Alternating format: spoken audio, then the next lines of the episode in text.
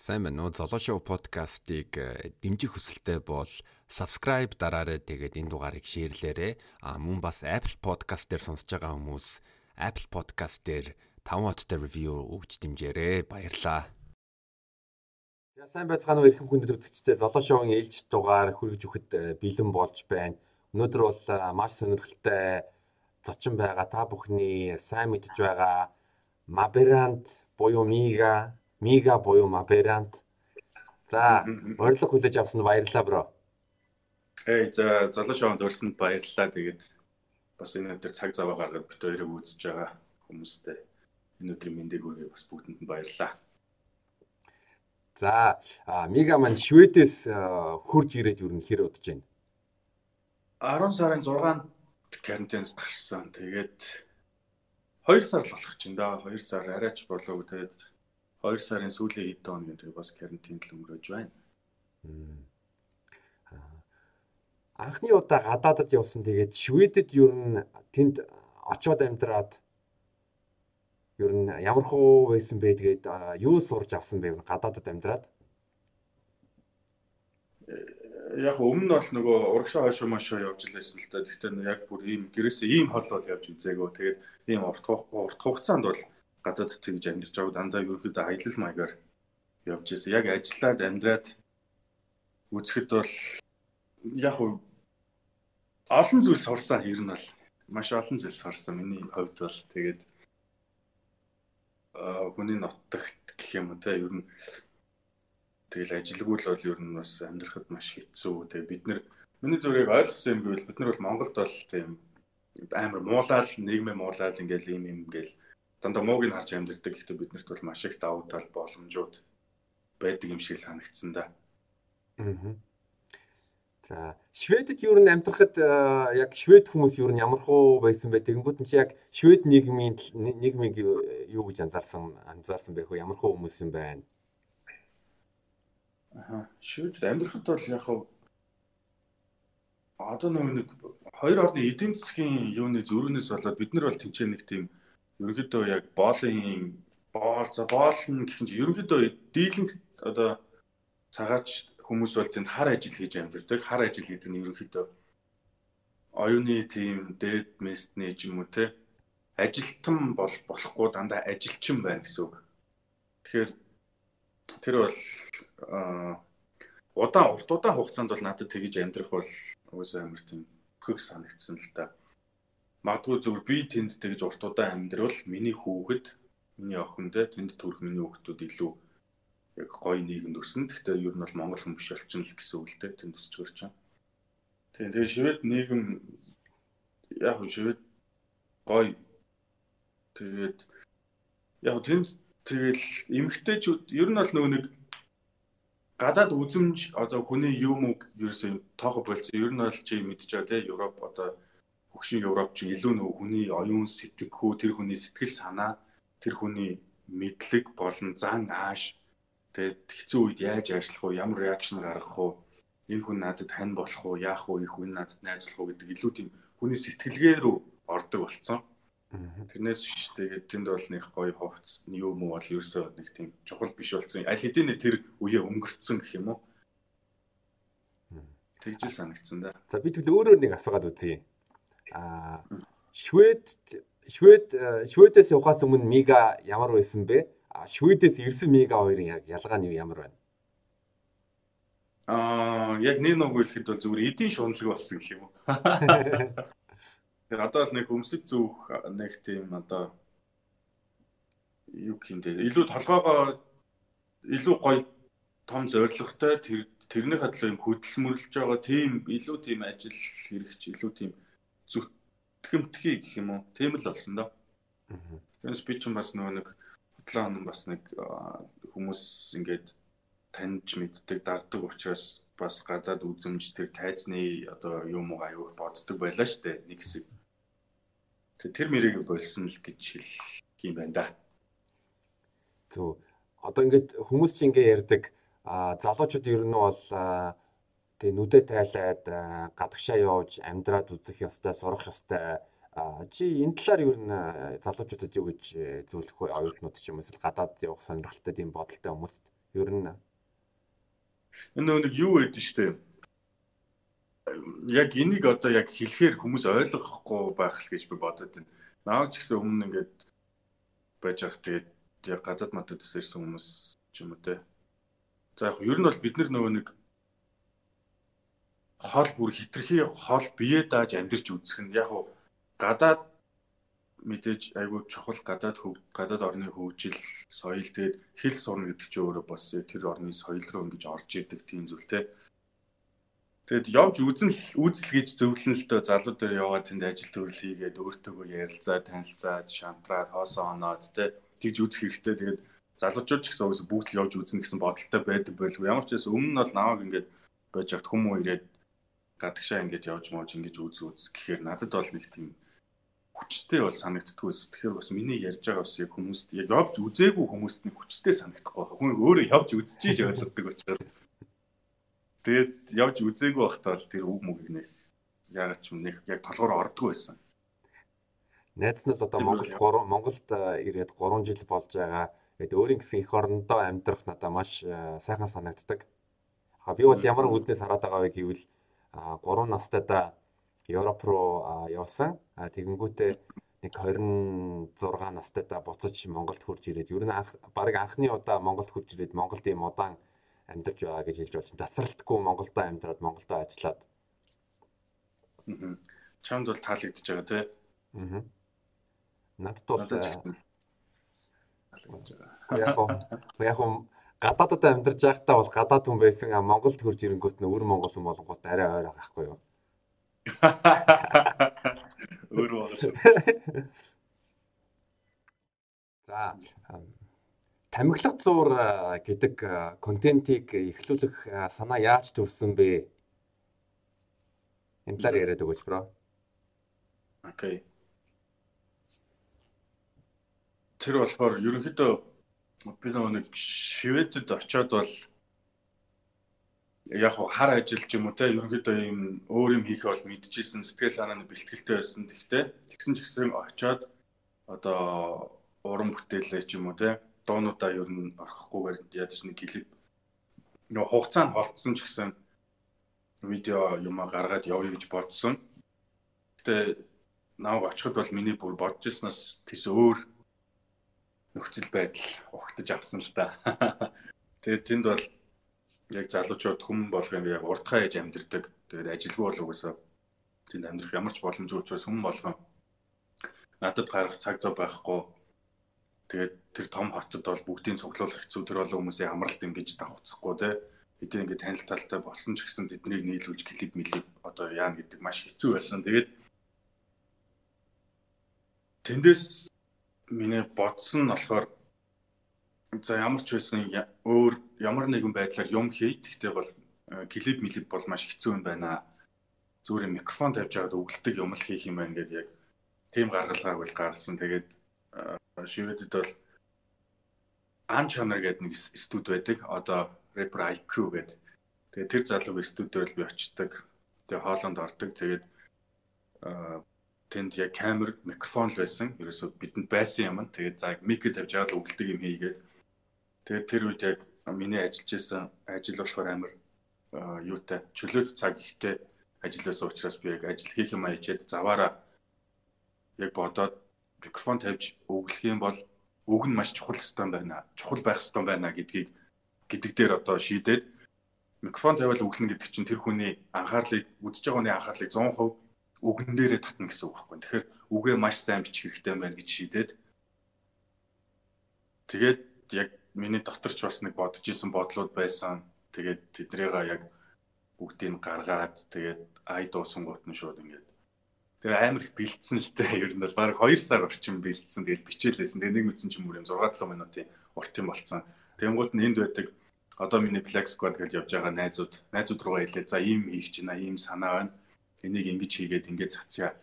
Дараа дараагийн дугаар нь хоёр дахь дугаар дээр манай Чикагод байгаа манай хамтлагийн залуу Номикс гэдэг хамтлагийн эпизод орсон. Тэгээд ингээд хийя. 3 дахаас нь Монголд байгаа хүмүүсээс ингээд танил талаар ингээд ингээд хийгээд явъя гэдэг шийдвэр гаргасан чинь манай одоо Black Squad-ийн найруулагч Spy гэж залуу зөвшөөрөө за тгий гэж эхлүүлчих гээд тэгээд шин чанал нэгээд бүх юмаа шиглээд өөрөө эхний дугаарыг хийсэн.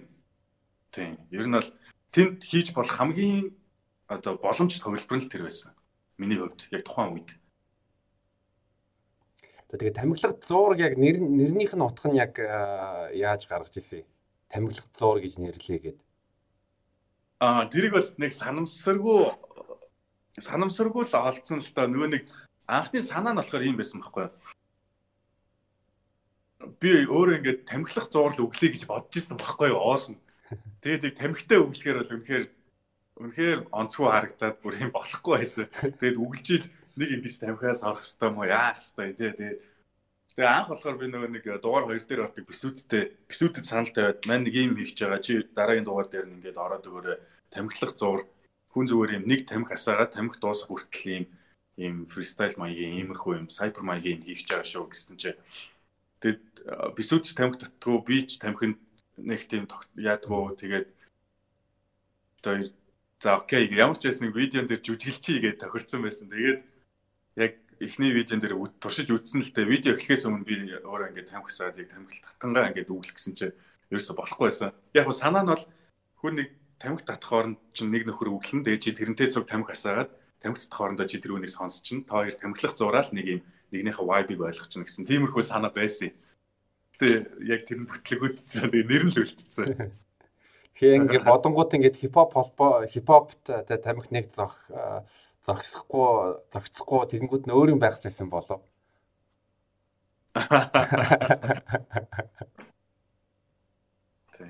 Тэгэл тэгээд азар тамхилах зур гэдэг үг ер нь хүний чихэнд амар хурдан ордог үг л байлаа ер нь бодоодсэн чинь хүмүүсийн чихэнд ингээд дан гэдэг хурдан орчтой. Харин тий тэгээ одоо нийт тамхилах зургийн хэдэн эпизод хийсэн бэ? Одоо 13 байгаа. 14 дэх нь энэ бүтэн сайн цацагдана. Манай Reptim бед цуг орж үзээ. Exoteric орохоор болсон. Тэгээд бро энэ энэ завшааныг ашиглаад чи бас манай тамхилах зур дээр нэг дугаар тий бас нэг өөр хөвцөл бодлоос тий тий. Ой орж өгөөч. Оо за урилга урьсанд бол маш их э, баярлаа. За бас бас амар нэр хүндийн асуудал болж байна л да. Би чинь рэпер хүн биш мөртлөө ингэ тамхилах зуурд орно гэхээр бас ер нь чанга санагдаж байна. Би өмнөх дугааруудыг үзсэн болохоор. Аха тэгэд болно доо. За мигэд маш их э, баярлалаа. Тэгээд бас нэг үзэгчдийн асуултыг э, асууя гэж э, бодож байна. Аа яс миний бас нэг асуулт байгаа. Тэгээ Reptimbe-гийн Exoteric бол э, шинэ тамхилах зурд орж байгаа юм байна. А чамд ер нь Reptimbe Reptimbe-д ороод тэрнээс ямар хөө байсан бэ? Тэрнээс юу авсан бэ? А мөн бас манай нэг үзэгчд юу асуусан бэ гэвэл Snowgun Hades-ийн тухай яриач гэж бас нэг хэлчихсэн асуултан дээр. Аа за Snow-тэй холбоогүй ерөнхийдөө маш удаж байна. Одоо бол сүүлд сонссноор бол нэг Монгол CS:GO-гийн баг магийг спонсорлоод продюсерлаад гэж ярих хэрэгтэй юм явуулсан.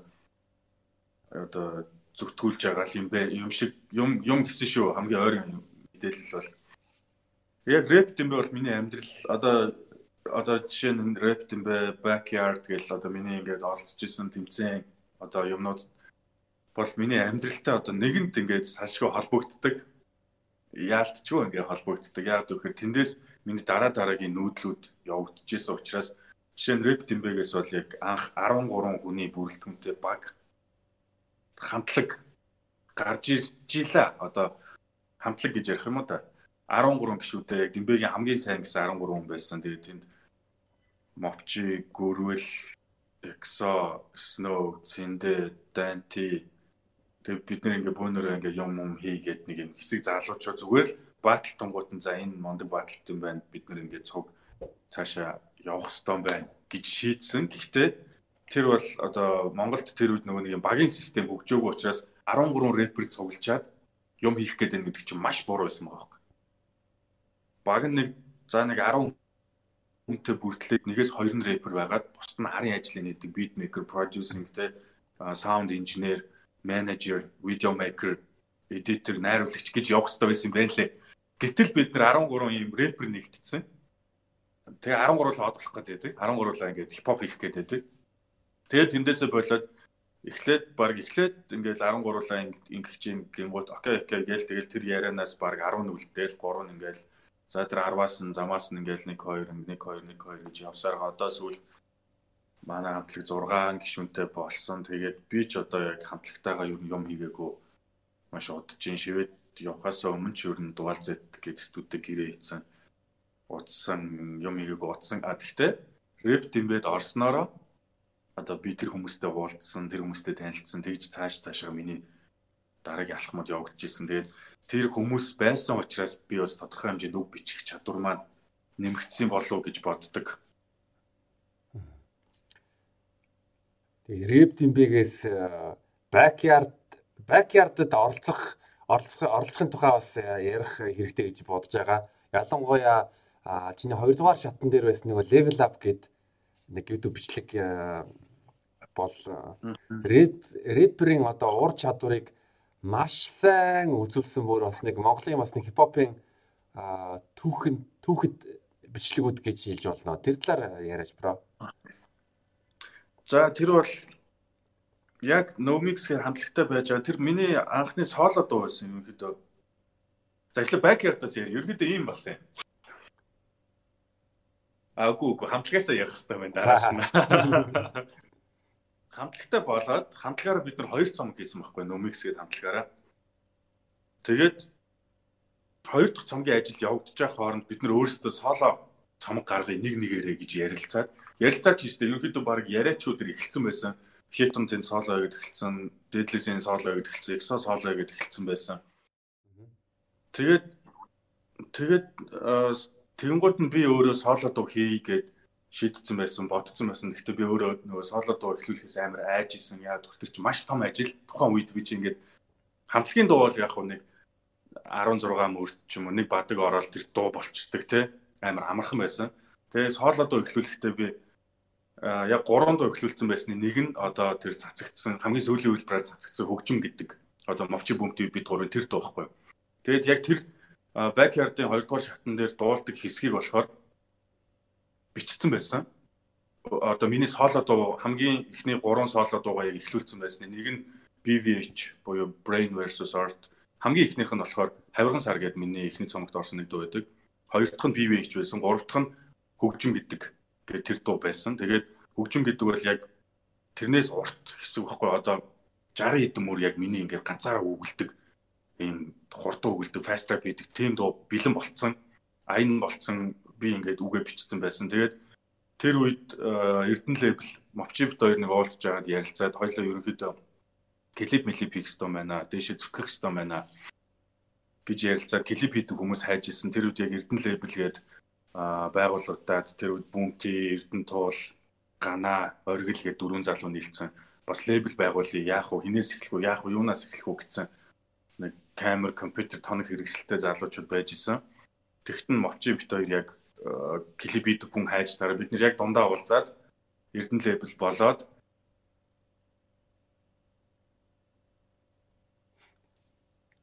би хамгийн гаргасан клип нь Эрдэнэ лейблээс гаргасан клип нь Мовчигийн Тэг Тэг 7 гэдэг дуу байдаг. Хоёр дахь нь миний BVH гэдэг дуу байдаг. Тэрний клипийг хийж исэн. Тэгээд байж идэл backyard-ын зар тавигдаад тэгэнгუთ аа бидний групптэй байсан Facebook групптэй Тэгээ би нөгөө зарлалын групп руу шеэрлээд ийм болж байгаа юм байна. А тэр үед Exo бас Эрдэнэ лейбл артистаар ажиллаж исэн. Тэгээд бөөнөрөө Exo бүүнтийн мовчид дөрүүлээ ийшээ орё гэд би санал тавьсан. Тэгээд нөгөө хэд маань мовчи бүүмтийн хоёр дэмжиж Exo болохоор би орохгүй гэж хэлээд тэгээд бид гурав орсон. Тэгээд эхний шат эхний шатнаас өмнө backyard нөгөө хаалттай шат гэж болсон. Хаалт 200 хүн оролцоод хаалттай шатн дээр 150 насагтаад 54 хүн нэгдүгээр шатанд ороод эдэн хасагдаад 20 эдэн жилүү хоёрлуугаа орж 30 эдэн жилүү за тоог нэг санахгүй. Тэгээд хоёрдугаар шатн дээр яг тэрийг аа тэр хэсгээ дуулаад яг тэрнээс өмнө яг онтой оллыг яг мартчих. Ямар ч байсан би нөгөө тэр хөгжим гэдэг дог сооло хийхээ болоод би ганцаараа ингэж 60 70 мөр өглүүл хүмүүсийг залхаах юм байна гэж шийдээд мовчтой хамтрал хий гэж ярьсан байсан бит хоёр. Угсаа бит хоёр дуун дээр нөгөө амархан ойлголцдог хамтарч ажиллахад тийм нэгэндээ илүү нөгөө найзын холбоо илүү учраас мовчи бит хоёр хөгжим гэдгийг хоёлаа хийгээ шийдсэн байсан. Тэгээд би тэрнийхээ нэг хэсгийг backyard дээр дуулсан чинь тэр нь бас хүмүүс давгүй үзээд таалагдаад тэрийг дагаад миний BVH-ийг хүмүүс үзээд ингээд тодорхой хэмжээнд би нийгэм танигдаад эхэлсэн. Тэнгууд бүүмти яг Эрдэнэ лейбл одоо бид нар цуг ажиллаж исэн болохоор бүүмтийг гурлаа хийчихье гэж хэлээд тэгээд бид гурав окей гээд яг өөр өөрсдийнхөө версийг бичээ. Тэгээд тэрэн дээр бол миний маш их үг хасагдсан байдаг. Анхны хөвлөдрөөс бол. Тийм. Амар урт түүхтэй бол да. Зүг. Тэгээ backyard-д бол ер нь чи бол маш сайн танигдсан ялангуяа тэ десант а десант Жакул тэгээд Ратапас нар чамайг бол бүр амар махчихсэн. Тэд нар бүр амна ангааж ирсэн шүү дээ. Яг яг чиний рэп скилээ, рэп чадвараа үзүүлснийхэн дараа. Аа. Тийм тэгээд ер нь бол маш өгөөжтэй олон ч хүмүүсийг гаргаж ирсэн мундаг гоё тэмцээн. Тэрэнд бол орсноор ер нь бол өөргөө амар алдааг болох гэж боддог ш. Тэрэнд бол орсноор миний карьер бол маш сайн дээшлсэн баг. За тэгээд рэпер хүн ер нь бол скил чадамжаа дээшлүүлэх дээшлүүлэхийн төлөө ер нь яаж ажилтдаг чи чиний одоо яг энэ тал дээр яг яаж өөрийгөө хөгжүүлсэн бэ? Миний авьяас төрөлхөх шүү дээ. Хойлоо яг хойлоо яг адилхан юм байна. Энэ нэг юу яаж исэн? яг Numix-д орж эхлээд яг одоо нэг үндсэн өгөгдөл байгаа шүү дээ. Одоо нэг үндсэн флоу, үндсэн нэг rhyme rhyme rhyme нэг зөрүүлэхгүй хилждэг ч юм уу. Үндсэн нэг тэрийг одоо яг би хаанаас олж авсан бол үнэхээр мэдэхгүй. Тэрийг үл яг сонсож байгаа л олж авсан баг. Яг үндсэн нэг өгөлдөг юм аа. А энэ дээр бол ямар ч үсэн өгөлчдөг тийм үг байсан. Тэгээд Numix-тэй хамтлаг болоод ирэнгүүт манай хамтлагийн залуучууд маш мундаг үг бичдэг байсан.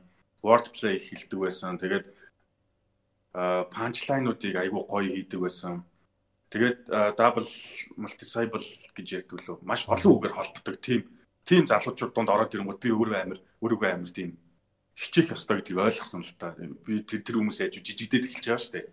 Тэнгууд окей гэ тэр хүмүүстэй адилхан хурдаар сэтг хийх хичээгээд адилхан үгээр тоглоод адилхан юм панчлайнуудтай болоо тэгээд олон үгээр олон дараалж холбогддог болж молоод тэгээд ирсэн яг одоогийн нөхцөл одоо ч гэх юм тэрнээс хойш бол яг би үг бичиж байгаа гацх юм бол ном уншдаг ер нь.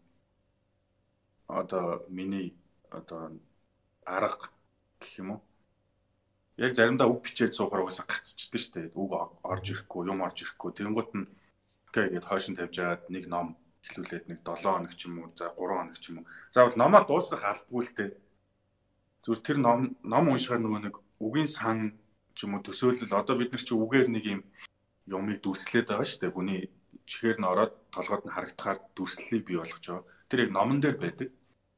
Тэгээ би гацх юм бол ном уншдаг. Тэгэхээр миний үг нөгөө дотор байгаа үгнүүд эргэж сэргдэг юм уу. Тим аргал хэрэгэлдэг. Хэрэгэлдэг те. За чи тэгвэл манай сонсогч нар мөн бас надад яриад өгөөч. А одоо яг миний надад надад бол шууд орж ирж байгаа нэг 3 дуу байгаа. Яг би бол чиний байнга сонсдог чиний дуунууд байгаа. Тэрний гэвэл а яллагч ба яллагч do or die тэгээд 80 bars insomnia а энэ дөрөв дууг бол би бол э, ер нь байнга сонсдог. Тэгэхээр энэ дуунуудыг яаж бүтсэн түүхий хаваалцааж Надад ч бас таалагддаг л доонод байна. Яллагч бол айгүй хордон бүтцсэн юм аа. Тэр бол яг аа яг захиалгатай дуу байсан. Тэгээд аа эби ах эби ах тэр чинь 18 онд хаа. Тийм зөв 18 онд ч тийм. Эби ах яллагч кино хийсэн. Өөрөө найруулад өөрөө гол дүртэн тоглоо. Тэгээд тэр үед би дугаал зэттэй артистийн гэрээгээр ажиллаад хоёр дахь жилдээ болж исэн. Тэгээд манайх тэр яллагч гэр киноны постерын ажлыг аваад тэрний зураг мөргийг авч ирсэн. Тэгээд манай захирал бас зол жаргал гэж хүн байдаг. Тэгээд захирал би ах хэдэртэй айгуу тийм холбоотой ажилдаг. Би ми чинь бол танихгүй шүү дээ. Сайн танихгүй тэр тэр ажиллаа л танилцж байгаа хүмүүс. Тэнгүүд намайг санал болгоод манад нэг ийм артист байна. Та энэ киноны саундтрек хэрэгтэй. Яг нөгөө дуу хиймээрэн дууга хинээр хэлэхгүй яах вэ гэж гаццсан байж хат нь намайг санал болгоод манай нэг ийм артист байгаа. Ер нь бол та ингээд хийлэхэд бол алцахгүй гэдэг ингээд миний хийж исэн өмнө хийж исэн дуунуудаа сонсгоо. Тэгээд би яг окей гэсэн байна лээ. Тэгээд тэр хоёр үн хөлс одоо юм уу ярьсан юм уу яасан те. Тэгээд нэг өглөө ажил дээр ороод ирсэн чинь маань захирал э би яхан киноны ажлыг авсан чи орой 9 цаг гэхэд ихний хөлбөрийн сонсгоо шүү гэсэн. Ер нь тэр бол амар тийм амар тийм хэцүү шттэ ер нь бол те шууд захиалгатай тэгснэ ингээд яг бичвэл бичиж чинь гэхдээ сайн бичиж иж тэр ажлыг авч байгаа учраас сайн бичгэд бол бүтэн өдөр чинь тийм хангалттай хугацаа биш. Тэгээ за би ямар ч байсан оролдоод үзьгээд 16 мөр бичээд өөр нэг YouTube-ийн зөв free аян дээр өглөө тэргээ хоолоо бичээд ибэх руу явуулсан. Тэр анхны ая анхны үг мөгтэй вершн бол айгүй муу сонин сонин гэх юм уу. Сүүлд бол сайжирсан хөлбөр нь хүмүүс төрж байгаа шүү дээ. Хөгжмийн найруулга дахилт махалт нэмэгдээ те. Тэгээд ибэх сонсчоод окей болж гин а 5 дахь өдөр дууга аавна гэлүү. За ямар ч байсан 3 дахь амар давчил байсан. Тэгээ 3 дахьд би чинь 3 дахь орой 9 цаг сонсгосон чинь нөгөөдөр дуугаа аав шүү. Киноны нээлт нөгөөсө тулцсан байдаг. Нөгөөдөр дууныхаа бүтэн хөлбөрийг сонсно гэх. Тэгээ би 2 хоног суугаад ажиллаа. Тэгээд өөр ая аяас болоод тэгээд дахилтан дээр одоо тонтын Джейсон гэж байдаг шүү дээ. J гээд залуу байгаа. J дахилтны ерөнхий гайдыг гаргаад тэгээд би дахилтны үгийг бичээд тэгээд тэр тонтын дээг тонт дээр би хоолойн ордог байсан. Дээг ахтар очиж хаа эмгтэй дахилт хэрэгтэй байна таньдаг эмэгтэй хүн байна гэсэн чинь надад тэр номын эрдэнэ гэдэг охиныг санал болгосон. Тэгээд дуугийн сонсоод үтсэн чинь тэр яг тонот тэр нэг хоёр дууны хоол орцсон байсан. Дуугийн сонсоод үтсэн чинь амар мундаг санагдаад тэр охин руу олбогдоод ахын дуугийн дуу их чинь чи нэг ирээд дахил дуулаад өгч гэсэн чинь окей гээ. Тэгээд 2 хоногийн дотор дуун бүтээд 5 дахь орой шөнийн 2 цагт бид нэр би яг дууд болчлоо таараа сонс гэсэн чи би яг тонот дээр ирж сонсоод манай дугаал зэтийнхэн бүгд суудсан тоонотынхэн суудсан би яг сонсоод окей болж байна нэгтгэд клипээ цацсан шүү гэсэн бүх тийм амар юм хурдтай нэг 7 хоног байсан. Ер нь бол 7 хоног ч хүрээгүй. За үсрээл 7 хоног баг. 7 хоногийн дотор л тэр дуу клиптэйг ингээд гарцсан. Тэгээд э, тоонотын хурдтай ажилласан, дуал зэд хурдтай ажилласан, бич чадхаараа хурдтай ажилласан. Тэгээд э, дагууч сайн дуу болсон гэж боддог. Яг ард түмэнд бас э, маш тийм хөрсөн дуу штэ. Тийм. Do or Die бол яг хуу дуалц студийн анхны бие даасан киноны ажил байсан. Тэр бумын хэрэг гээд одоо драм 3-ын хийсэн найруулагч Мэё гомби найруулсан тэр бумын хэрэг гээд киног дуалцэд яг гүйцэтгэлийн хийж исэн. Тэгээд угсаа кино эхлэхэд л а одоо шинэ надад хэлж исэн. Энэний дуу чамаар дуулуулмаар байна агшон гээд. Тэнгуут нь бэ за за окей ийм юм байна. Тэгвэл энэ бас ингэж ажиллана. Чи ингэ захиралтай үн хөлсөө ингэж ингэж яриа тий. Тэгээд та хоёр болчлоо гэх юм бол би ингээд орё гэж яриад тэгээд юуны ажил кино маань бараг сар орчим зураг авалт хийсэн баха. Тэгээд тэр хооронд би ерөөдөө дууга бодоол аяа сонгоол тэгэл яг тэр чин бол ерөөдөө трап бөмбөртэй ай болсон. Тэгээд тэр бомын хэрэг гэж яхад нь би бас нэг амар хүнд юм дуулаад яах вэ аль болох юм зөв хөнгөн байх талаас нь хий гэж бодоод тэгж хийсэн. Дуур дайг бол. Тэг миний хувьд бол юу дуур дай аа тийм хөнгөн гэхээс илүү илүү гүн агуулгатай дуу гэж сонсдог шүү дээ. Ер нь бол үгнүүд нь бас нэг тийм яг шууд хэлэхгүй нэ бас нэг ер нь бас нэг сонсвол бас тэнд гой гой үгнүүд зөндөө байгаа. Аа. Дуур дай Тэгээд гурав дахь нь insomnia байсан уу? Insomnia. Insomnia бол яг insomnia чинь дайс өмнө цацагдсан доо. Тий. Яллагчийг хийчээд яллагч чинь за 5 сард нээлттэй хийжсэн кино гэхэр чинь 5 сард цацагдаад тэгээд тэрний араас би сэтгэл готрлыг цацж илүү. За дараалал нь ямар ч сайн санахгүй. Тэгээд insomnia хийжсэн баггүй. Insomnia болохоор нөгөө нэг Миний хамгийн анхны trap бөмбөртэй дуухгүй яг бүр цэвэр. Тэгээд 100 ер нь бол жоохон тийм хүмүүс унтахаа болчтой дээ шүнээрээ унтаад хичээл сургууль амгалцсан. Хүмүүс унтахаа болоод тэгээд унтаж эхэлдэг. Тийм. Тэгээд би ч өөрөө яг инсомниа ч юм бол өөрөө өөр утгатай үгтэй бүр юм модч чаддгүй юм нойрны асуудалд орсон хүн байгаа. Зүгээр би болохоор инсомниа гэдэг нэрийг ашиглаад зүгээр 100 оройд жонтдаг залуучууд ингэдэг жоох нойр солигдсон маягаар тэр үгийг ашиглаад тийм дуу хийсэн. Тэгээд би бол тэр дууг надад бол айгүй таалагдчих. Би анх удаа тийм trap бөмбөртэй юм хийж үзээд өөрөө тэгээд чимэг мэмгэж ингэж гоё хийгээд найруулга хийгээд давгүй болцсон гэж боддог. Тэгээд яг тэр үед нөгөө хүмүүс яллагч маллагчийг сонсцсон. Өмнө дандаа миний нөгөө нэг хөвлий одоо 6 дахь метр хүй одоо юу вэ арай тийм гүнзгий дуунуудыг сонссоор хагаад надаас тийм хөнгөн дуу гарах гарч авахд ерөөсөө дийлэнх сөрөг хүлээж авч исэн.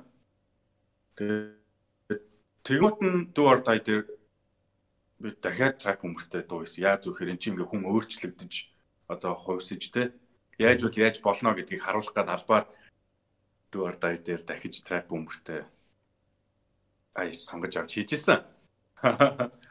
Түү. За тэгээд сүүлийн дуу 80 bars. Ваа, тэр өстө миний хайртай дуунууд нэг. Намайг лоо гэдэг, тэгсэн боо гэдэг. Та та та та яа.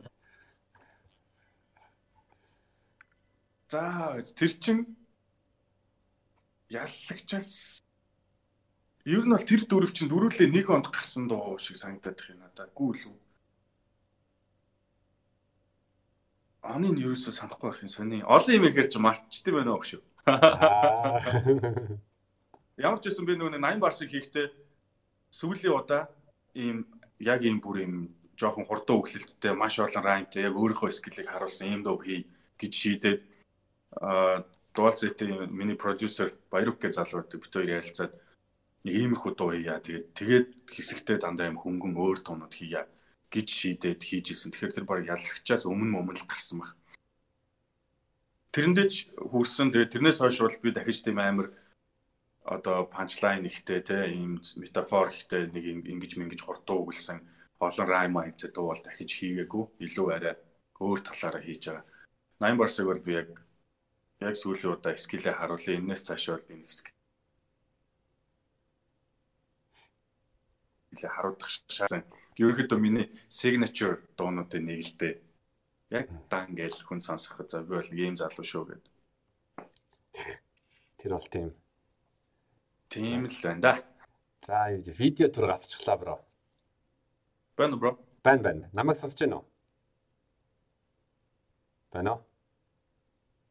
Оо чинийх сая жоохон гацсан баац. Аа за одоо зүгээр байна. За хоёулаа чинь бас байна уу? Байна, байна сонсож шүү. Чиний яриа бол надад. Түү түү сая гацчихлаа. За зарим үзэгчд бас мэдгүй байж магадгүй. Гэхдээ Мегапт хоёр хоёр дуун дуун дээр бол хамтарч ажиллана.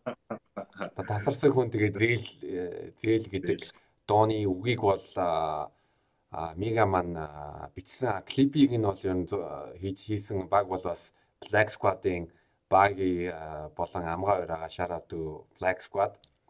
За би яг чамаас юу асууж ирсэн бэ гэвэл ерөнхийдөө гурван зүйл байгаа. Нэг нь юу гэвэл бас надтай хамт энэ хоёр дуун дээр ингээд дахиалгаар дуу хийхэд нь ямар хөө байсан бэ? А хоёрдугаарт UB comedy дээр хоёлаа бас нэг hip hop night хийхэд тэр байдал хийхэд тий Joken Battle гэхэд ямар байсан бэ? А мөн бас чи Black Squad-ыг танилцуулаад өгөөч. Аа ер нь бол нэг захиалгаар дуу хийдгэлтэй аа мэдээж тэр чинь тодорхой хэмжээнд бажет яригдж байгаа. Тэгээд тохирсон үнэ тохирч юм бол тэгээд би яг тэгэл ер нь бол зөндөө зөндөө дууны үг мөг бичиж өгч ирсэн. Тэгээд зарим хүмүүстэй ажиллахад бол маш хэцүү байдаг нөгөө нэг одоо хэмжээгээ мэдрэхгүй ч юм уу те.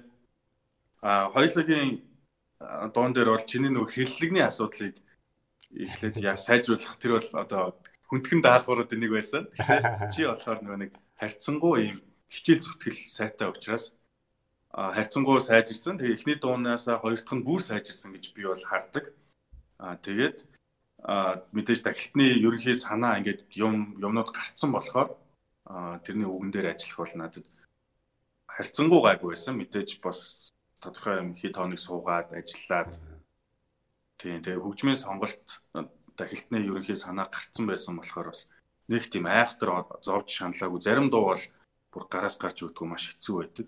Тийм биш. Гайгүй харьцангуй гайгүй байсан. Тэгээд нөгөө нэг чиний хэмжээний юу чин асуудал багтаа учраас яг ингээд үгэлчгээ гингот яг тэгээд үгэлж исэн болохоор бол гайгүй байсан. Надад бол таатай байсан. За таатай байсан бол надад бас таатай байсан. За юу комедигийн юу комедигийн joke wrestling те хоёулаа юу тэр бол үнэхээр гоё байсан. Надад бол үнэхээр гоё байсан. Тэгж би ч угаасаа ер нь нэг батл матл хийж жоохон наано цаана гэж өссөн болохоор тийм нэг joke wrestling те нэг нэгэ жоохон roastдаг юм юм дуртай. Ягаад ч тэр чинь нэг нэг явсандаа одоо бүгчүүд ингээд яг мэхээр ингэж биеэрээ яадаг бол тэр чинь бол үгээр ухаанаар хин хурдан сэтгэж байгаа нь те хин илүү сэтгэж байгаа нөгөөдхөө ингэж одоо мэх хийж байгаа л гэсэн үг шүү дээ. Толгоогоороо бодхол одоо юм да. Тим юм дуртай. Ер нь бол маш гоё болсон. Тэгээд хоёлаач тэр өдрийг халуухан болгож чадсан. Чадсан. Тэр бас амар ер нь бол комеди чи юу хипхоптай маш ойрхон байгаад байдаг. Ягаад гэвэл комедианууд рэпер үчиг адилхан ингээ панч шидэд байдаг. Тэгэхээр ер нь жоохон аль аль талдаа панч сайтай байх юм бол ер нь бол сайн байдаг л да. За за тэгэд Black Squad-ыг э, үүсгэн байгуулад хэр удаж байна? Ямар бүрэлдэхүүнтэй яг Black Squad-ын яг зорилго юу юм бэ? За ерөнхийдөө Black Squad бол одоо нэг жил гаруй болж байна. Тэгээд намайг яг ерөнхийдөө одоо найруулагч Spy гэж байгаа. Тэгээ менежерээр би ажиллаж байгаа. Editor AMG буюу амгаа байгаа. Тэгээд бид гурав хамгийн эхлээд миний 6 дахь мэдрэхүү Triple X гээд тэр тиймэрхүү дуунууд дээр сүүлд бас IGVU дээр ерөнхийдөө надтай ингэж уран бүтээлийн холбоотой байдаг баги гээд манай найз байдаг. кино үйлдвэрт кино үйлдвэр Куц кино урлагийн дэд сургуульд операторын багш хийдэг байсан залуу. Тэгээд тэр багийн буюу spy багшаа хийдэг байхад би дугаал зайдтай гэрээтэй ажилладаг байсан. Тэгээд бид хоёр ерөнхийдөө залуу хүмүүст ингээд зориг мөрөөдөлтэй юмнуудаа ингээд ярилцдаг, хуваалцдаг. Тэгээд би бол бас юм юм юм боддог гээл тэгэл бид хоёр ярилцж чаад ерөнхийдөө хоёлаа хувь хувь ажлуудыг зэгцэлж жагаад нийлээд нэг ингээд дүүд те production маягийн юм хийж үзүүл яасан юм бэ гэдэг яриа одоо 2 жилийн өмнө яригдчихсэн. Тэгээд бит хоёр жилийн дараа жилийн дотор мэдээж тэр чин тодорхой хэмжээнд санхүү төсөв ингээд юм цуглуулгатай тоног төхөөрөмж одоо юу гэдэг тийм болно. Хоёул жилийн дараа ингэж ингэж уулзаад жилийн дотор ямар ч байсан юм хоригдлол одоо юм ума бэлтий гэж яриад тэгээд хоёр хэлсэндээ юмнуудаа бэлтжижсэн. Тэгээд аа би шивэд явах болоод тэр бол яг нь ерөнхийдөө огцомдоо шийдвэр байсан л та. Тэгээд шивэд явахдаа за окей би ингээд явчаад ирнэ. Ирээд яг хийя чи ингээд байж игээд тэгээ би явах хооронд спай мэдээж ганц хүн бол ганцаар гал болохгүй гэдэг шиг ганц мод гал болохгүй гэдэг шиг. Тэгээд өөс эрдэнэ лейбл дээр байхад AMG бидний бит митиг хийдэг те хамтарч ажилладаг байсан нэг нэгэ мэддэг байсан. Тэгэд манай амгаа юу дизайнераар сурцсан байсан. Тэгээд бас эдитер эдит хийдэг болсон. Ерөнхийдөө бас задгаа сэтгэдэг залуу байгаа. Тэгээд багийн тэр хоёр нийлээд юмаа хийгээд намайг байхгүй яг эхлүүлсэн. Тэгээд би болохоор Black Squad гэдэг нэр мэрийг ч ерөнхийдөө оролцоогүй нам тэр хоёр бол ингээд яг шийдээд юм эхлүүлсэн байсан. Тэнгүүд нь би болохоор окей та хоёр ингээд явжий эхлүүлээд явж исэн зүгээрээ би тэгээд явж байгаад ирээд гурлаа нийлээд илүү томоор хөдлөё гэдэг юмыг шивэд дуухтай ярьсан байсан. Тэгээд яг би ирээд бол одоо нэг 2 сар гэдэг чинь яг үндсэндээ гэх юм бол яг жилийн хугацаанд бол Black Squad бол яг тамхилах зур дээр ажилласан. Тэгээд цөөн тооны клипүүд бас хийсэн. Аа тэгээд яг одоо би ирээд одоо арай өөр төвшөнд бид нар ажиллаж байгаа гэх юм уу. Аа. Тэгээс Black Squad-ыг ингээд ярьж байгаа юм бол бас нэг хоёр асуулт байгаа. Бас нэг үзэгчдийн асуулт. Ер нь тамхилах зур гэдэг тоглолт хийх хүн мөн бас ойрын болон гэтийн төлөвлөгөө ямар байна? За ойрын төлөвлөгөө бол одоо ерөнхийдөө бид нэр сетотой гэрээ хийсэн байгаа. Тэгээд артистаар сетог авсан учраас сетогийн юмнууд дээр төлөвлөгөө ажиллана. Тэгээд тамхилах зур маань бол дуусах болоогүй ингээд хязгааргүй явж л байгаа дугаар болгондоо өөр хүн оруулаа тий. А тэгээд давхар би өөрөө одоо ерөнхийдөө энд ирсэн байгаа учраас уран бүтээл клипүүдэд төлхөө хийн гэж харж байгаа. Одоо энэ карантин хөл хорой цоцлогдохоор тий ерөнхийдөө ирэх жилмэл бол маш төлхөө хийн. Тэгэхээр ойрын төлөвлөгөө бол бит хоёрын юмнууд л илүү их гарна. Тэгээд ганц нэг прожектууд хур хийж эхлэх байх гэж харж байна. Аа Тамхилах зуурын тоглолт Монголд яг тийм нарийн ширээ бол одоогор бол бодоагүй байна. Ямар ч байсан нэг дахиж хэдэн дугаар явуулж байгаа, дахиж шалгаруулалт явуулж нэг дахиад нэг 2 3 залууг порталж өгнө л гэж бодож байгаа доо. Мига Маберант гэдэг нэрээ яагаад Мэйб болгохоор шийдсэн бэ? Аа, уул нь Маберант гэдэг чинь айгүй гоё нэрлэлтэй. Тэгээд гоё ч утгатай. Тэгээд хүмүүс нөө цээжилтгүү. Тэгээд маш их хүмүүс буруу дууддаг нэг цэжилсэн бол яг толгоноос гардггүй нэрлэлтэй. Гэхдээ тийм учраас одоо ерөнхийдөө өөр хөгжим хийж үзэж байгаа учраас тэгээд арай хөнгөн ч юм уу хэлбэр цогтойход амар чихэнд ордог нэр байвал гэсэн үднээс л сольсон. Тэрнээс ч нэх олон юм бодоогүй зүгээр жоохон багсах чийл гэж бодсон. Зү тэгээ нэрээ товчлж байгаа юм юу юу аа тэгээ тогтооход илүү амархан мэйб гэхэд бас амархан байгаа. А хөгжмийн үед ер нь ер нь уран бүтээлч гэдэг үднээс ямар өөрчлөлтүүд мэй мэй бас харагдах вэ? А илүү юу яа хөнгөн болно. Илүү хөгжимлөг болно. Тэгээд тийм гүн гүнзгий юм дуулахаа ер нь багасгана. Тэгээд нэг хөнгөн жоохон ингээл нэг ингэж юм тэгж юм гэдэг ч юм уу те. Илүү жоохон юм чихрүү ордог юмнууд л хийх гэдэг байна. Ер нь бол минийх чи ихэнхдээ тархи руу ордог маягийн дуунууд шүү дээ. Тэрийг болоо чихрүү ордог юм л хийж бодож байгаа. Би зарим рэперийн дуунууд нь бүр салтаар ордог тий.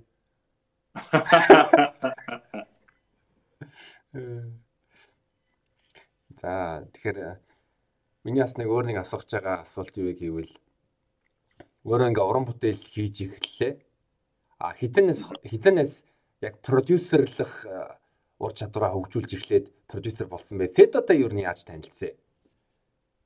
Сетогийн дууг ерөнхийдөө шууд YouTube-ээс сонсож байгаа л тэгээ тэр үед бол маш бага хүн сонсдог байсан Сетогийн дууг мэдээж дөнгөж эхэлж исэн хэдэн дуу цацсан байсан. Тэгээд би сонсч үзээд ер нь яг би хүн продюсерлий гэд айгүйх бодсон байсан. Тэрнээс өмнө продюсингийн ажлыг бол ерөнхийдөө нөгөө нэг захиалгаар дуунууд одоо авч эхлэхдээ би чинь тэгэл тэр хүний өмнөөс сэтгэж тэр хүний өмнөөс үг бичиж тэр хүний одоо юунд тааруулж аяа сонгоод ингээд нэг юм тэр чин бол ер нь продюсер хүний хийдэг ажил шүү дээ. Тэгээд тиймэрхүү ажлуудыг хийгээд үтцсэн болохоор жоохон туршлагатай болсон. За би ер нь бол хүн продюсер продюсерлахад одоо бол чадах юм байна гэдэг тийм ихтгэл үнэмшлийг олцсон байсан. Тэгээд яг санаанд нийцсэн хүн яг гарч ирэхгүй олдохгүй байсан л та. Тэгээд яг нэг өдөр ажил дээр сууж байгаа санамсаргүй тохиолдлоор Тэгээ би ер нь хүмүүсээ нөгөө шинэ минь юмнуудыг айгүй их сонсдог байхгүй. Тэр одоо хин ямар дуу хийж ин хамаагүй ньюсвит дээр ч юм уу YouTube дээр те энд ингээд рекоменд хийгдээд ингээд гарч ирж байгаа юмнуудыг ингээд үзчихдэг. Тэгж байгаа Сетогийн Beast Mode гэдэг дууг нь олж сонсоод тэгээд Сетотой холбогдоод Facebook-ыг олоод тэгээ ингээ ингээ гэж ярилцаад нэг уулзаад ярилцаа, өвтөр уулзаад ярилцаа. Тэгээ би Сетод ийм ийм ажил хиймээр байна. Гэхдээ би одоохондоо энэ дугаалцаад гэрээтэй очиос боломжгүй хоёлаа. Миний гэрээ тусгаар ингэж ажиллая. Тэр болтол чи өөрийгөө бэлдээд надтай зүг ингээд бэлтгэлээгээд илүү сайжраад наад хуучин дуунууд устгаа хоёлоо бүр өөр төвшөнд ажиллана гэж ярьсан. Тэгээд ярьсандаа бас хийж л байна да. Аа яа яа. Одоо ер нь өөр артистууд шинэ артистууд продюсерлах санаа юу байгаа юу? Авал нэг эмгтэй артист бас продюсерлээ гэж бодоод Flex Squad багаараа яриад Сетоос гадна нэг эмгтээтэй тэгээд эрэгтэй эмгтэй хоёрыг тал талд нь зүтгүүлж агаад нийлүүлж мэлүүлээд нэг юм ийм коллаб маягийн 9 шидийн юм ингээ хийгээд дундуур нь би орж мараа те.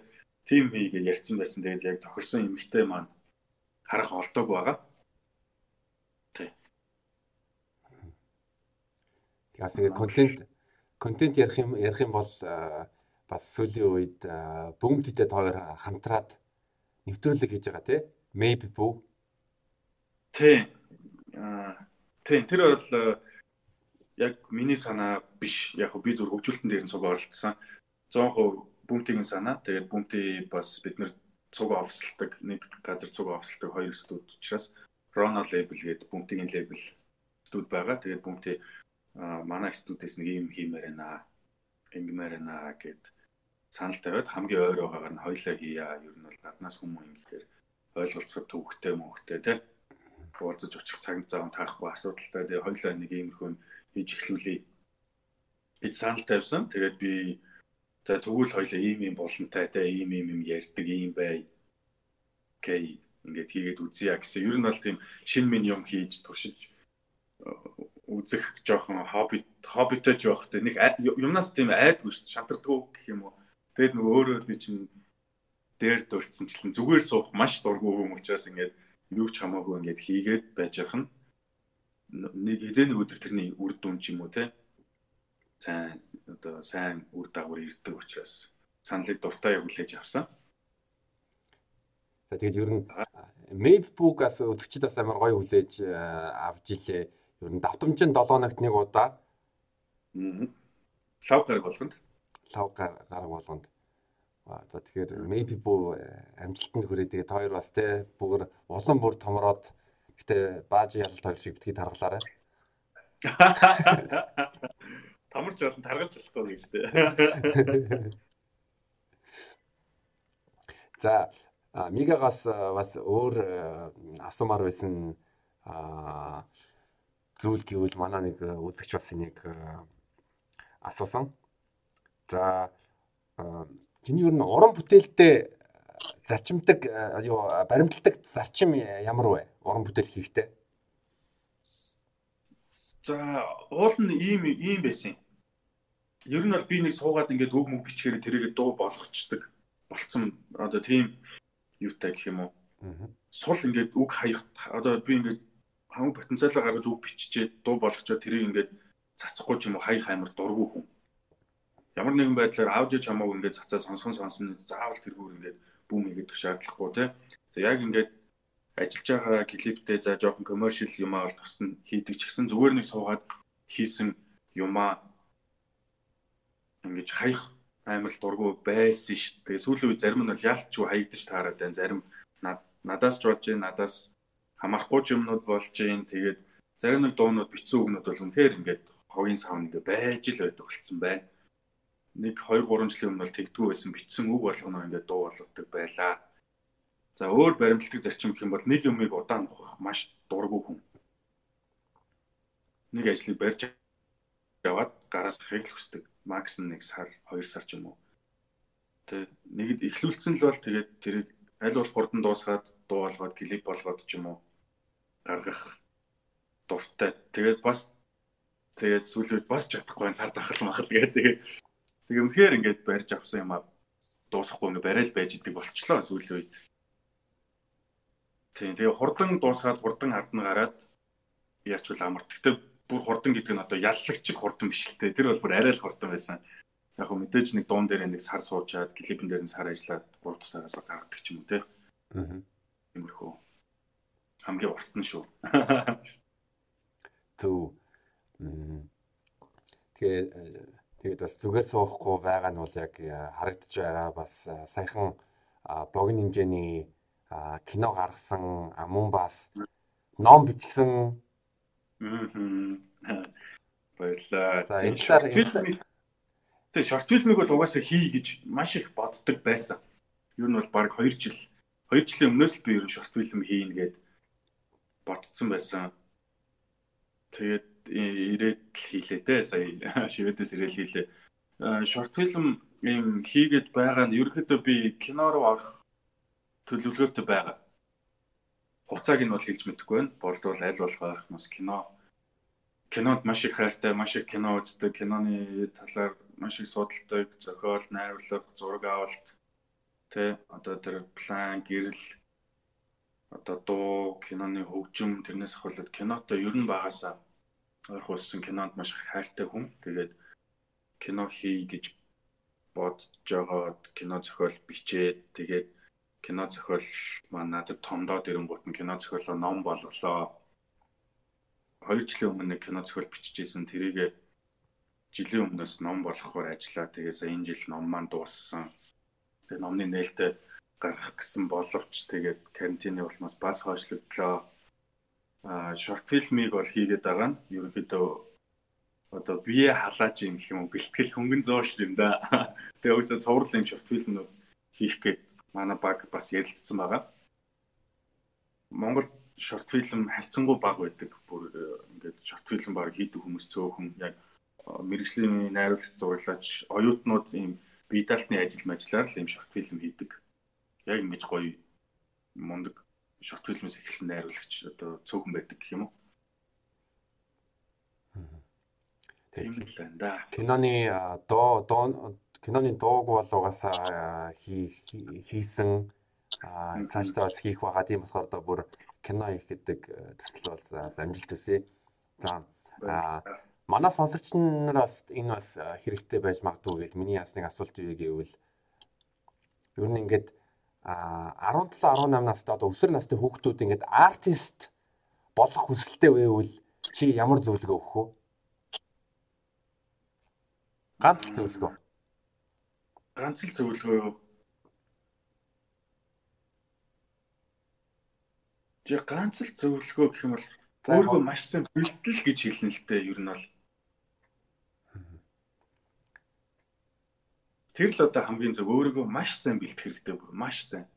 Тэгээ яг нэгэнт ингээд зорилгоо ингээд хардсан бол чөлөө цаг магаа тий одоо аль болох тэр хөгжим одоо артист гэдэг нь заавал одоо рэпер байх албагүй те зураач одоо хөгжмийн зохиолч битмейкер одоо рэпер тэг 9 шидэл артист бол ер нь бол артист хүн яг дотор ч байгаа үгүй гэлээ сайн мэдэх хэрэгтэй баха. Тэгээд байгаа бол яг тэр нөгөө бүх юмаа зориулаад мэдээж давхар бол яг хичээл ном одоо сурлага явж явах хэвээр. Гэхдээ гадуур үрдэг цаг заваа багасгаад илүү өөртөө зарцуулаад хилээ сураад судлах юмаа судлаад ингээд нэг юм төсөөлөлтөө тэрийг ажил амьдрах. Тэгж л хэлмээр байна. Тэгээ бэлтгэл сайн байвал тэгэл угсаа болт шүү дээ. А чиний чиний харж байгаагаар Монгол сонсогчид яг уран бүтээлчтэй хэр дэмждэг вэ? Аа миний харж байгаагаар бол айгүй муу л дэмж дэмждэг шүү дээ. Гэтэ энд чинь нөгөө нэг одоо хоёр талтай л да. Гэтэ дийлэнх нь бол ер нь бол дэмжин гэж одоо яг дэмжин гэж яг юу гэсэн ч үгүй те. Тэгээ гудамжинд таарахаар би чамд дэмждэг шүү гэж хэлэх чинь яг дэмжиж байгаа юм бол биш те. Тэгээ би бол яадаг вэ гэвэл гудамжин дээр ингээ хүн таарлаа за сайн уу дэмжиж шүү гэж асуух асуудаг ахгүй те. Яаж дэмждэг? Яг яаж дэмждэг?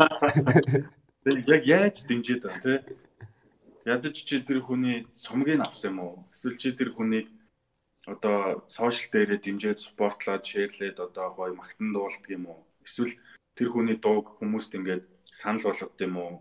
Эсвэл тэгэхгүй одоо нөгөө нэг дуугийн ч нэг удаа сонсонгуудаа нэг юм YouTube-ээс catch иддэг хулгай апаар татаж авчаад дахиж сонсож тэр хүндээ вирус ч нэмдэггүй датагаа харамлаад тийм байж иж би чам дэмждэг шүү гэж хэлэх чинь бол бүр үнэхээр хоосон зүйлс. Дийлэнх нь манайхан тэгээд байдаг. Тэр амар буруу. Тэр хүнээр гоё өвчлөө цомгийг аваад дууных нь дуун дотор нь тэр хүнтэй цуг амьдраад плакатн дээр нь гарын үсгээ зурулж ахуулаад тэ тэр хүний юм талаар мэдээллийн судлаад плакатын хан дээр наагаад нэг юм бүр яг гоё фэн байх чинь бас гоё штэ. Тийм тийж дэмжүүл бол гоё. Гэхдээ тийж дэмждэг хүмүүс байдаг л да бүгд бол тийм муу мухай зүйл биш. Гэхдээ дийлэнх нь ер нь бол нэг тийж дэмжээд сүйд болоод дтгүү. Тэгэл YouTube-ээс хин шин дуу гарч ийн гээл тэгэл үнгүүгийн сонсоод таалагдвал зэн дээр кэч идсэн те дахиж датагаж үрдгүү те тиймэрхүү л хүмүүс байдаг бах. Яг мэдээж энэ нөгөө эдийн засгийн санхүү манхуудтай холбоотой л л та тэрийг бол мань сайн мэдэхгүй лээ. Сайхан хариуллаа. Ер нь манай бас яг өөрийнхөө хувийн зүгээс хэлмээр байна. Ер нь дэмжиж байгаа артистууд артистуудаа зүгээр яг хоосон үгээр дэмжихгүй бас цомгийг худалдаж аваад яг тэгвэл би бас миний бас нэг баримталдаг зүйл вэ гэвэл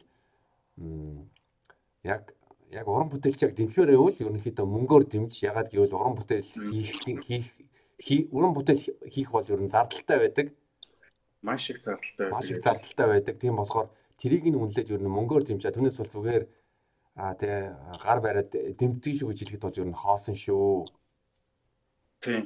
Яг зөв наадад ч юм хэлсэнд баярлалаа. Тэгээд золоо бас өөрөө цомог яг бичилж очиж авд авч яг бодит хөрөнгө оруулалт хийдэг хүн байгаа. Би бол тэрийг маш сайн мэднэ.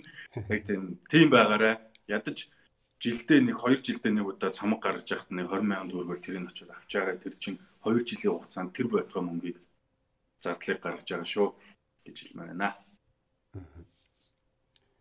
Эм сая л би саналаа Мига маань бас ноднон билүү 2 жилийн өмнө билүү Хөх хот руу явсан. Тэгсэн. Хөх хотод тоглолт хийх ямар байсан бэ? Би би саяхан Өвөр Монголын Cycon гэдэг хамтлагийн даваа нэмтэй подкаст хийсэн. Надад маш Cycon бол маш их таалагдаа. Тэгэнгүүт нь чамдас ер нь өөр Монгол рэперүүдтэй хамтрах сонирхол бол байгаа юу? Мөн бас өөр Монгол 10 Монголын ер нь хипхоп холбоо ямар байдгийг чи тэгээд Хүүх хотод тоглоход ер нь ямар байсан бэ? За ерөнхийдөө бол Сайконтой хүртэл би дуу хий гэж холбогдож ирсэн. Тэгээд тухайн үеийн нөхцөл байдал бол бас тохироогүй улмаас дуу чадаагүй. Тэгээд би ерөнхийдөө Хүүх хот руу 3 хүнтэй холбогдсон. Zebra гэдэг нэг хоёр охинтой эмэгтэй хамтлаг байдаг. Тэгээд Сайкон байна. Тэгээд дээрэс нь Айса гэж залуу тэр гуравтай холбогдож исэн. Тэгээд Айса бит хоёр бол хоёр дуу хийсэн байдаг. Call the Race гэд хоёр дуу хийсэн. Тэгээд а ер нь бол хотын одоо артистуудтай ч юм уу хамтарч ажиллах надад бол таалагддаг. Таалаг дахиж хийх хүсэл байна. А яг яг тэдний сонсдог нь бол дийлэнхтэй ар Монголын за дийлэнхэн цаашийн яг процентыг бол мэдэхгүй байна. Магадгүй 50 50 ч юм уу. Ямар ч байсан ар Монголынх нэг бүгдийг таниад байна гэдэг чинь бидний дууг маш их сонсдог гэсэн үг л дээ. Тэгээд бид нар бол эсрэгээр өвөр монголчуудын дуу мөг ер нь бол нэг нэг тийг сонсдгоо те монгол сонсогчид маш цөөхөн сонсдог. Яг энэ нөгөө нэг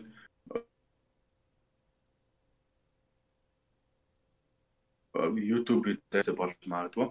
Миний хувьд бол 19 оны 9 сарын 10 14-ний 5 дахь байлууд хагас амжуулал хөх хотод Wave гэж юунд лаунжид өөрийнхөө хоосон цомгийн нээлтийг хийж исэн. Тэгээд миний хувьд бол тэр бол маш гоё байсан.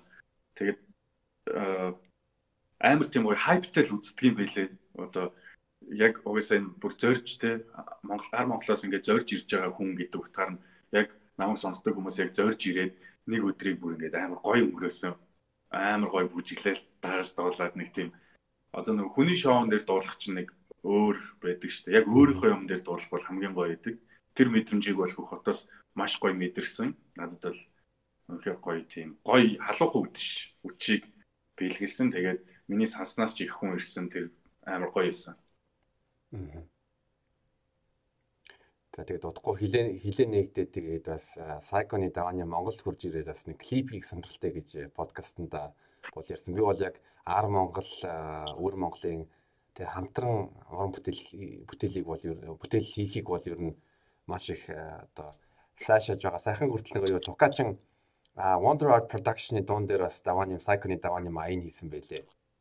Нэг 2 сарын өмнө гаргасан дуун дээр. За Мигагаас асуумаар нь ер нь хипхопт биф ер нь хэр хэрэгтэй байдгийг. Ам биф биф хэрэгтэй л дээ. Тэгээд сүүлийн үед бол харьцангуй багассан те. Яг миний сонсож өссөн хипхоп ч тэгэл маш их дистел хипхоп байл зөвхөн монголч гэлтгөө. Хипхоп ч тэгээ өөрөө Америкас гаралтай те барууны хөгжим байгаа дээ. Тэгээ баруунд бол яг дис гэдэг нь яг л одоо нөгөө нэг одоо рингэн дээр тололдож байгаа юм шиг хэн нь илүү вэ гэдгийг яг тэрэн дээр үздэг. Тэр нь хоёр одоо рэперт хин хинд нь хэрэгтэй байдаг. Тэгээд дис хийгээгүй рэперийг нэг тийм сүртэй рэперт ч тооцдгоо те. Ер нь бол Яг барууны сонсогч чинь тийм байдаг штэ. Монголд бол тийс харьцангуй баг бол баг байдаг, баг болдог. Тийм. Гэхдээ beef this одоо battle зөвхөн тийс ч гэлтгүй battle бол одоо тэр хүний скиллийг бол шууд харуулж идэг те. Потенциал чадварыг шууд харуулж идэг. Тэгэхээр this battle одоо юу бол хипхоп хипхопын бүр салшгүй нэг хэсэг гэж би хэлнэ. Аа. Гэтэ нэг Монголд байгаа нэг муухай юм гэвэл яг нэг өгний ирээр биш хутганы ирээр хоорондоо өрсөлдөж байгаа юм шиг. Аим тийм ээ тэр жоохон гонхтой тий. Тэгж тэгж байх нь тий тэр ч сонирхол шүү дээ. Тийм. За Мигада ямарчсан сайхан ярилцсанд аа маш их баярлаа. Тэгээд хийж байгаа бүх уран бүтээлд нь бас хуулийн амьдралд над жаргал үсэ тэгээд магадгүй миний нэг асуугаагүй асуулт байгаа аа чи бас нэг нэг сэдвэр юм ярмаар байвал бас ярьж болно шүү гэж хэлмээр байна. Төгсгөлийн үг гэдэг. Аха. Аха. Аха. За за. Жишээ тэрийг нэг яриад явахтай. Ерөнхийдөө бас подкастнда золоо шоуд урьж оролцсонд бас баярлалаа. Тэгээ надад бол бас чамтай ярилцах маш сайхан байлаа. За баярлалаа. Тэгээ дуустал нь үзэж байгаа хүмүүст бас маш баярлалаа гэж хэлмээр байна. За тэгээ сонс подкаст сонссон сонсож байгаа хүмүүст бас маш их э, баярлалаа. А мөн бас мигада тамиглах зуурд урьсанд э, баярлалаа. Тэгээд тийм тэгээд хийгээл харуулъя хоёлаа. За за за маш их баярлалаа бро тэгээд бүх ажил үйлсэд амжилт хүсье. Peace. Peace.